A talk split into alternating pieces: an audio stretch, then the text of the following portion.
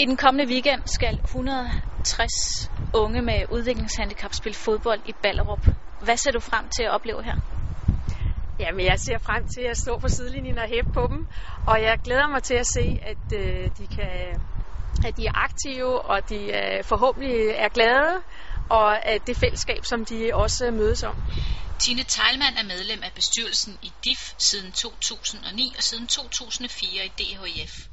Hun er engageret i Special Olympics og forklarer her, hvorfor det er vigtigt at støtte idrætsprojekter for mennesker med udviklingshandicap.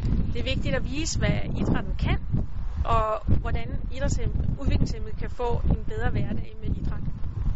Og hvad er det så, idrætten kan? Idrætten kan skabe aktivitet og glæde og grin. Øh, det kan give indhold i hverdagen. Det kan give en øget sundhedseffekt for øh, udviklingshemmede, som ofte ikke kommer ud og bevæger sig så meget. Altså, vi vil gerne være med til at, at løfte det samfundsmæssige ansvar. Øh, vi synes, de har et samfundsmæssigt ansvar. Og i fremtiden vil vi kigge mere på, øh, om der er flere områder med udsatte grupper, som, som har brug for støtte. Og det kunne sagtens være områder inden for DHF, men det kunne også være områder, andre områder. det kunne for eksempel være øh, kvinder, som øh, fra anden, med anden etnisk baggrund, der er svært ved at komme til at dyrke idræt. Det kan også være andre ting.